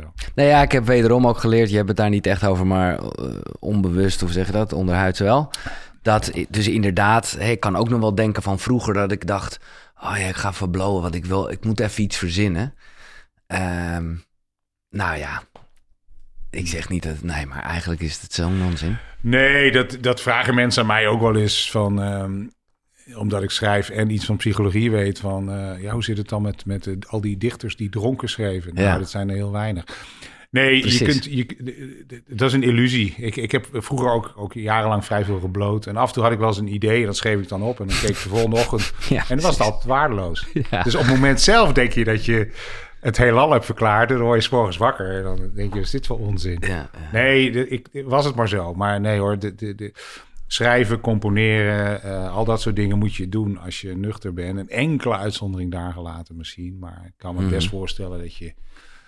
hè, dat er vroeger mensen waren die LSD gebruikten en dingen voor zich zagen... die ze dan vervolgens gingen schilderen. Maar, maar 99 van de 100 mensen doen, doen het werk nuchter. En daarna ja. gaan ze het vieren met wat hun ten Ja, precies. Ja, ja, ja. Maar dan is het werk voorbij. Nou wordt het vaak, en dat maakt het ook echt mooi... en ik denk dat we het allemaal wel kennen... dat, dat je ergens denkt, ja, het idee eh, was er al... maar je moet er alleen even toegang toe eh, krijgen. Hoe wordt dat ook weer? Er zijn een paar mensen die vergelijken het met... eh, wat was dat nou ook weer? Ja, sommigen zeggen je moet het gewoon opgraven. Hè? Ja. Een boek of een verhaal. Ja. Of, Oh ja, nee, nee, het werd met de radio vergeleken. Dat vond ik mooi. Met, met, met een slechte zender. Oh, een zender, ja. Ja, dat je gewoon- Een wiebelige zender, ja. ja. dat je goed moet luisteren. En, eh, nou, ja. Ja. Ehm, en ik moet eraan denken, omdat je nu weer even over het schrijven begint. Als je dus, als je dus een writersblok, eh hè, dat mensen kunnen daar Ja. last van hebben. Wat denk jij dan? Het is allemaal niet zo zwart-wit, maar ik vind het toch leuk. Is dat dan dat ze dus niet, dat het ze even niet lukt om die, om die zender te ontvangen? Hè? Ja. Dus, dus, eh, Nou ja. Of, eh, ja, of is er gewoon niks? Of is er niks? Ik denk in de meeste gevallen het laatste. En daarom is het ook geen, is het, is het niet zo'n goede term. Veel schrijvers maken, gebruiken die metafoor. en Dat is wel terecht. Schrijven is eigenlijk vooral heel goed luisteren naar wat er. Naar wat het onbewuste deel van jouw brein op dat moment tegen je vertelt en, en, en laat zien. En dat moet je zo goed mogelijk opschrijven. Dat is een heel groot deel van wat, waar het schrijven over gaat. En ja, net, net zo goed als een wiebelige zender niet goed werkt als het keihard onweert. eh, Nee. Ja, als jouw hoofd vol met angsten zit, werkt dat ook niet. En sommige momenten kun je beter luisteren dan andere. Eh, en dat, dat heeft wel met een writersblok te maken. Als je een writersblok hebt, dan kun je misschien heel slecht luisteren. Maar wat ik in mijn boek inderdaad probeer duidelijk te maken... is dat meestal is er gewoon niks. Nee. Als jouw onbewuste je niks te vertellen heeft, dan kun je niet schrijven. Dan moet je op reis. Dan moet je gewoon opnieuw beginnen. Dan krijg je wel weer dingen. Maar, eh, maar dat, dat ik, ik heb vaak het idee dat als mensen het over een writersblok hebben, dat, het, dat, dat ze het gevoel hebben dat ze ergens niet bij kunnen dat Nee. er wel is. Terwijl ik denk, er is op dat moment gewoon tijdelijk even niks. Wat helemaal niet erg is. Maar Maar in het kader van het besmettelijke zeg jij dus ook eigenlijk... Ja, leef, uitroepteken. Ofwel, eh, neem dingen tot je, laat je inspireren... en je zult geïnspireerd worden. ja, als je, het- als je het op zo'n eh, ja, als je het op de meest simpele manier wilt samenvatten, ja, als je dingen onderneemt, eh, open staat voor je omgeving, gekke dingen doet, dan, dan zul je ook meer inspiratie hebben. Dan zul je ook meer nieuwe ideeën hebben. Ja. Ja. Eén ding, wat ik toch nog even over dat transpiratie, inspiratie. Ja, ik, dat, maar ja, ik dacht bijna van, oh, App heeft hier een fout gemaakt. En, eh, maar dat denk ik toch ook niet. Want dan eh, zal je zal ieder wel... Maar die snap ik dan niet helemaal. Inspiratie is de vroedvrouw van transpiratie. Je begint met een idee, daarna begint het werk. Ja, soms. Het is allebei. Hè? Dus om een- ik, want, maar eh, ik denk dan meer van de inspiratie is toch juist de geboorte. En de transpiratie. Ik, ik zou zeggen, de transpiratie is de vroedvrouw. Want die zorgt ervoor dat de inspiratie, die er al is, maar eruit gehaald wordt. Als ja, dat het is allebei. Het is allebei. Hè, dus je moet eh, mensen die veel inspiratie ervaren, die werken keihard van tevoren. Dat klopt. Maar andersom is het ook zo. Soms is het een, een goed idee, is weer een heel nieuw begin voor dingen. Dus, dus als jij, eh, wat ik, ik, ik maak bijvoorbeeld het, eh, de, die, die ehm, eh, ik haal Kathleen Carico aan, hè, degene die, die ooit, eigenlijk de grondlegger van de, van de vaccins in de. Ja. En Met ja, die- die, heeft op een die, gegeven moment een idee. De over- ja, over, ja. Over, over een nieuwe therapievorm. En, dat, ehm, en die, ja, dan heb, je, dan heb je een idee, maar dan moet je het nog bewijzen. En dat is de transpiratie. En daar heeft zij, in haar geval is het heel extreem, want ze is 30 jaar verguisd en heeft ze allemaal dingen voor niks zitten doen. En ze heeft demotie gemaakt op de universiteit. Ze ging achteruit, hè, niet, Nee, ja, niet vooruit, maar achteruit, wat zelden voorkomt. En uiteindelijk eh, is het er gelukt. En daar hebben we al die vaccins eh, aan te danken. En nu, ik geloof dat ze nu de hele wereld rondlijsten. Alweer weer die prijzen. ja, Waarschijnlijk overal, is het, overal wordt ze eredokter. het extrinsieke zal vet aan het stijgen zijn, vrees ik. Ik hoop het vaar niet, maar ik, ik, ik- ze zal ook niet heel veel tijd nog hebben om over dingen na te denken. Ehm, maar goed, als er iemand gegund is. Maar de- dat Ja. is, dat is ehm, dus het is beide. Dus transpiratie leidt tot inspiratie. Inspiratie leidt ook weer tot nieuwe transpiratie. En dat geldt voor een boek ook. Je kunt een mooi idee hebben, geïnspireerd raken, een mooi idee voor een nieuw boek. Ja, dan moet je nog wel die 90.000 woorden eruit persen. Dat is gewoon transpiratie. Ja. Dus dat bedoel ik ermee. Het is- ja, ja, het nee, werkt oké. beide Het kanten is, op. ja. Ja, Het zijn- daarom zeg ik, het zijn danspartners. Ja. De een kan niet zonder het ander. nee. En hoe, eh, je, je de, noemde dat even in het begin. Ik eh, hoorde ergens dat je, maar ja, je had het net over meer een soort psychologisch boek, maar dat je toch nog even zat te denken aan, aan geluk, om dat hele, een, een boek te maken met hele praktische Ja, geluksdingen. Zou kunnen dat het ook nog komt. Ik ben daar nu niet mee bezig. Nee. Maar, eh, En de gemoedsrust is het ook weer. Dus mag ik, ik ben gewoon benieuwd hoor, als je er niks over wil delen, is prima. Maar waar, waar ben je nu dan mee bezig?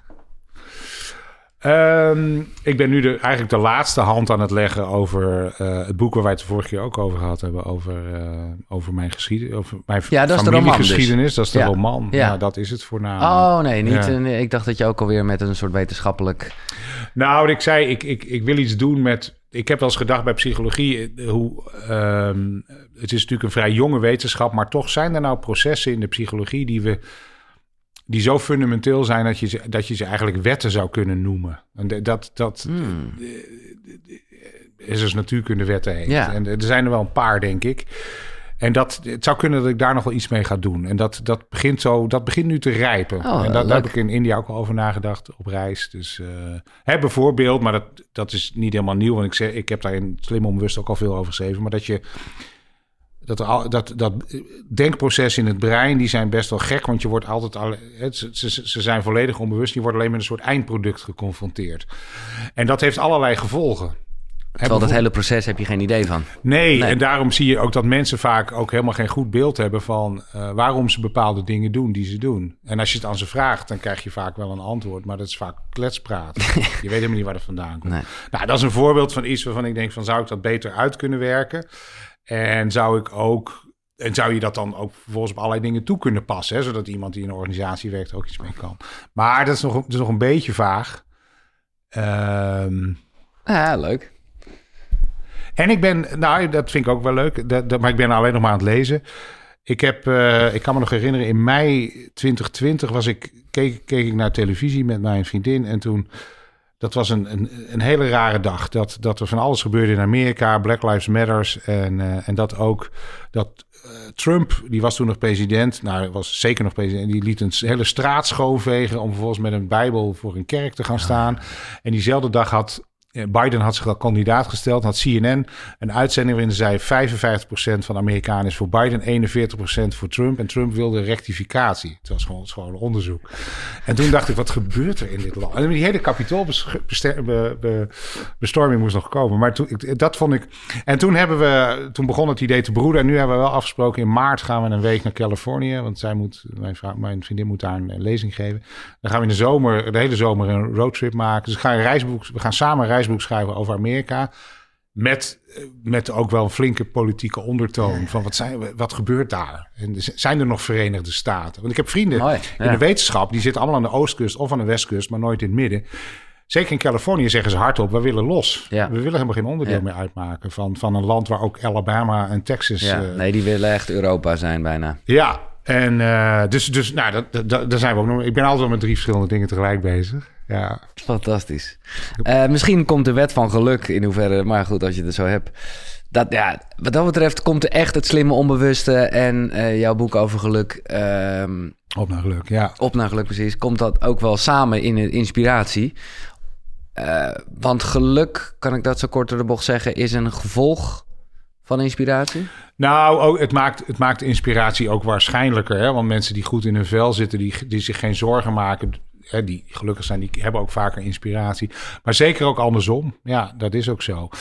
Uh, en, en er zijn eigenlijk een paar niveaus waarop dat gebeurt. Het meest simpele is domweg dat momenten waarop je echt geïnspireerd voelt. Hè? Dus een muzikant die in één keer Ja. een nieuwe melodie verzint en denkt van wauw, dit wordt een mooi nummer. Die voelt zich op dat moment heel gelukkig. Bijna genotachtig. Ja, dat is bijna Maar- meer genot of plezier. Dat is nog een vrij ja. oppervlakkige manier, maar goed. Ehm, het, de tweede manier is dat je, dat je, ehm, ja, dat je, dat je, dat je leven meer een, een, ik zei al, een vector in plaats van een vage wolk wordt. Hè? Dat brengt structuur aan in je Ja. leven.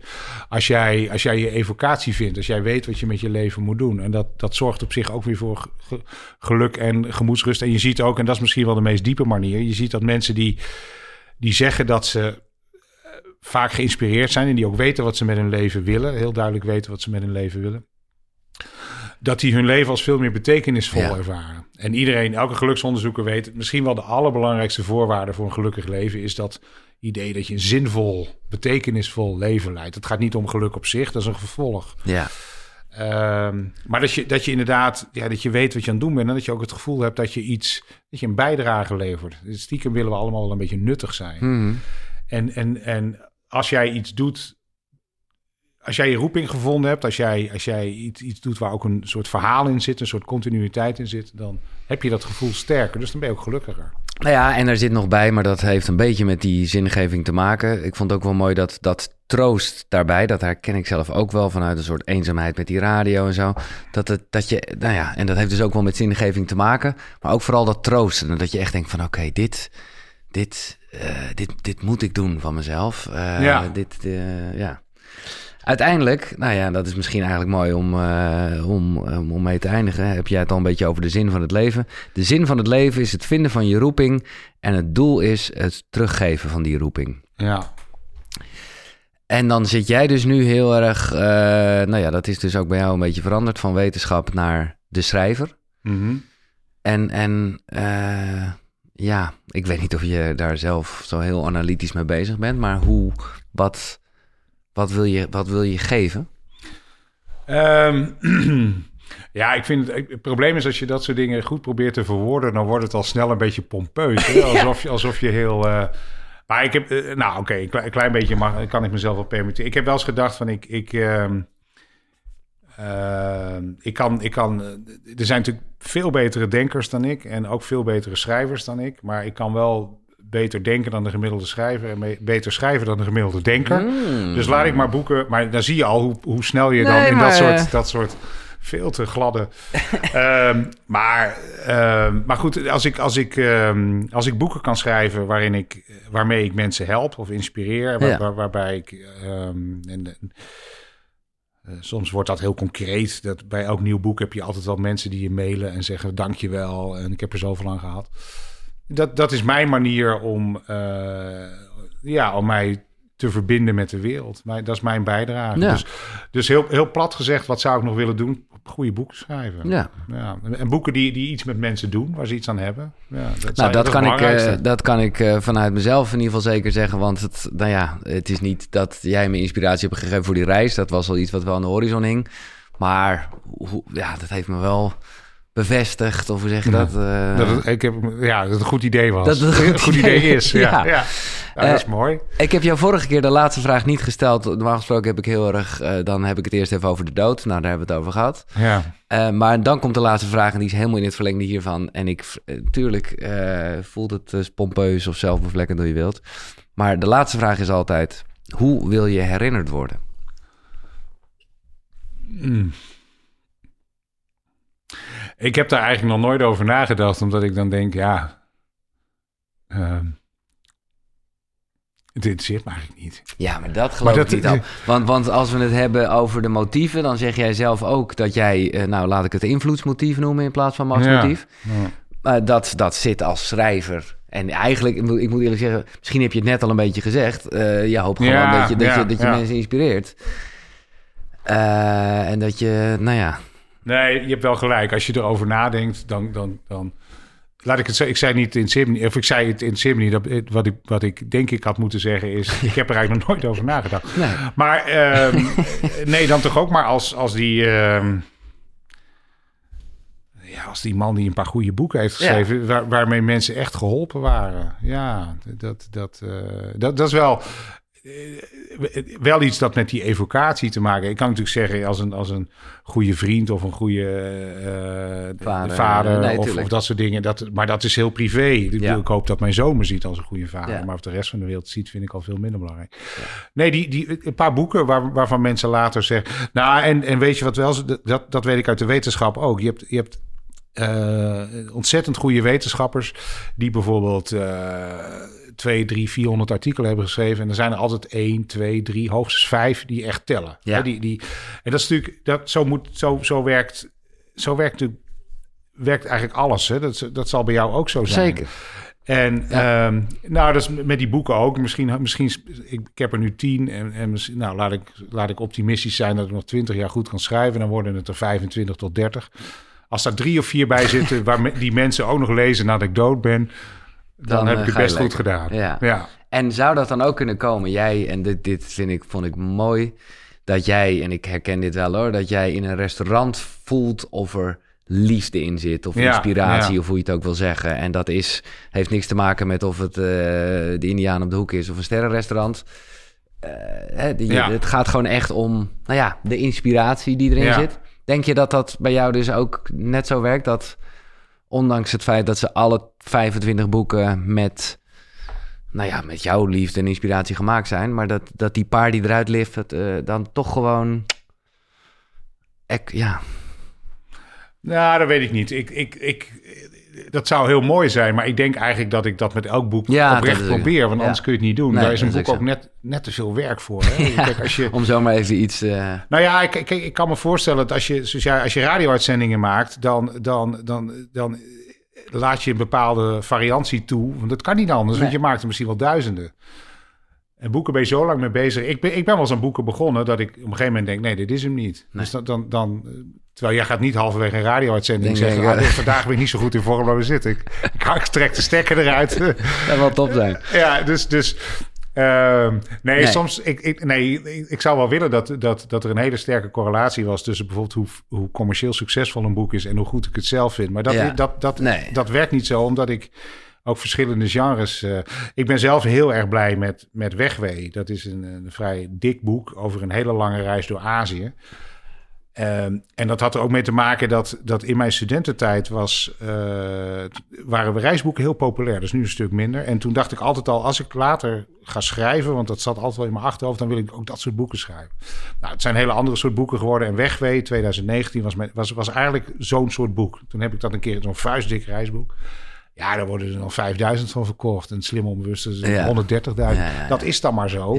De liefde zat erin in ieder geval. Maar daar zat, daar zat zo ontzettend veel liefde in. Maar dat hebben die 5000 mensen ongetwijfeld ook gevoeld. En, en dat is echt de laatste vraag hoor. Maar hoe, hoe zou je het zelf verklaren? Want uh, ik denk dat we het allemaal wel kennen. Dat je echt voelt als een gedicht of een programma of een liedje of uh, nou ja, een gerecht. Dat daar echt heel veel liefde in zit. Dat dat, ja, dat je dat proeft of ruikt of hoort of ziet. Hoe denk je dat dat kan? Nou, ik, kijk, liefde is, een, is, een, is, een, is, een, is natuurlijk een heel mooi woord. Ook omdat er allerlei verschillende associaties bij, bij, uh, bij zitten. Maar eh, het zal wel, het, het, het, zal wel gaan uiteindelijk om, om zoiets als oprechte aandacht. He, je, een, een, maaltijd waarin jij echt goed aandacht besteedt. En waarbij je echt hè, die liefde voelt in, in, in, in de zin van dat je, dat je ook echt wil dat het iets moois wordt, iets lekkers.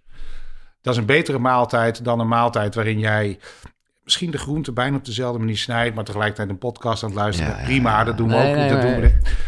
Ik, ik, denk dat, dat, ik denk dat het eigenlijk vooral uh, de, de, meer, de, de meer wetenschappelijke term, laat ik het zo zeggen, is eigenlijk onverdeelde aandacht. Hè? Dat, ik denk dat een beetje, beetje zenachtig. Maar ik denk dat dat uiteindelijk is uh, hoe, je het, hoe je het wetenschappelijk het beste weer kunt. Maar laten we het lekker liefde noemen, want nee, dat, is, gewoon een mooie term. Maar en ik denk dat dat het is. Ja, dat vind ik leuk dat je dit zegt, want hier kwam ik uiteindelijk ook op bij, met, met Mark Tigelaar, die heel erg over focus natuurlijk ja. uh, boeken geschreven heeft.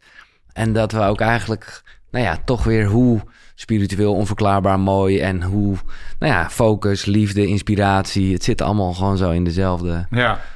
Uh, wolk of zo. Ja, ja nee, dat, dat klopt. Ja. Dankjewel, Ab. Ik, uh, nou ja, laten we er gewoon... Uh, je, hebt, je, hebt, je hebt een strippenkaart wat mij betreft. Ik ben heel benieuwd... Uh, ja, je gaat er iets anders doen. Wat zeg je? Ja, ik ga iets anders doen, maar ik ga er niet mee stoppen. Nee. Dus ga jij even lekker, nou ja, een beetje, een, beetje, een beetje... Ik blijf gewoon schrijven. Ja, precies. Ja. En, en ik ben ook heel benieuwd, dat is misschien niet echt iets voor hier aan tafel, maar naar je roman, naar je eigen persoonlijke... Ja, nou dank je. ja ik ben uiteraard ook. Uh, het is voor mij persoonlijk een heel belangrijk boek. Dus ik, ik, uh, ik ben ook heel benieuwd naar hoe dat uh, ontvangen wordt. en is het, is het een onderzoek geweest of is het echt een roman en. en nou, nee, het, het, het, zelfonderzoek is wel een belangrijk ah, onderdeel daarvan geworden. Hoewel ik weet niet, ik weet niet of, dat, of ik dat eigenlijk van tevoren al zo zag of zo. Maar dat gaat eigenlijk vanzelf. Dat je merkte ik dat ik. Dat ik door allerlei spullen te onderzoeken langzamerhand mijn vader leer kennen. Um, ja, dat is wel een belangrijk. En het is, ik, ik noem het een, ik wil het ook een roman noemen, maar ik denk dat die 85, 90 procent autobiografisch is. Hmm. Dus dat is eigenlijk wel. Uh, ja, maar ja, je zegt, ik weet dat ik daar vorige keer, maar ik, het fascineert me gewoon. Ik, uh, je zegt je vader en dat is ook voor jou je vader, maar toch ook weer niet je vader. Nee, het is een ingewikkeld verhaal, dat klopt. Ja. Maar is er nog, ik weet dat ik dat toen suggereerde van misschien leeft je vader nog. Is dat nog iets wat... Uh... Nee, die, die, die, mijn biologische vader is ook overleden. Dat weet je? Ja, dat weet ik inmiddels. Oh, ja. dat meen je niet? Ja. Oh, wauw. Ja. En, oh, wauw. Ja. Ja, dat... Uh, daar kwam ik ook eigenlijk heel toen ik, toen ik eindelijk dacht van, nou, ik ga dat maar eens uitzoeken, wist ik het binnen twee minuten. Dat is eigenlijk okay. heel suf. Want dan, toen, ik heb gewoon zijn naam ingetypt in, uh, in Google. Ik zit nou eigenlijk een beetje het boek te verklappen, maar dat maakt niet uit. Nee. Um, en toen zag ik meteen uh, een advertentie van een vrouw die een paar maanden daarvoor was overleden. En daar stond weduwe van die en die en die. En dat, dat was hem. Dus toen dacht ik, nou, die zou niet meer. En het gekke was dat dat ergens ook wel... Uh, en dat, dat heb ik pas opgezocht... terwijl ik ook al bijna met de eerste versie van het boek klaar was. Uh, dat dat ook wel een uh, soort rust gaf. Ja, begrijp want, want ik denk, nou, dan hoef ik ook niet te, nee. hoef ik die niet op te zoeken. En hij zal mij ook niet meer op gaan nee. zoeken. En het is allemaal, ja... Nou, ik, uh, ik, je hebt me alleen maar meer getriggerd om dit boek te gaan lezen. Dus het is helemaal geen spoiler. Dankjewel, Ab. Graag gedaan, dankjewel. Dit was, uh, ja, ik wil bijna een soort afscheid gaan nemen, maar uh, waarschijnlijk volgende week komt er weer een nieuwe aflevering online van eentje die ik eerder heb opgenomen. Of ik zit hier met een bruin hoofd vol inspiratie uh, een nieuw gesprek op te nemen. Of ik kom nooit meer terug. Ik, ja, ik vind het fucking spannend. Zeker nu ik weet dat het echt klaar is even voor nu. dit was Koekeroe. Ongetwijfeld tot de volgende. Zonnegroet. Hoi.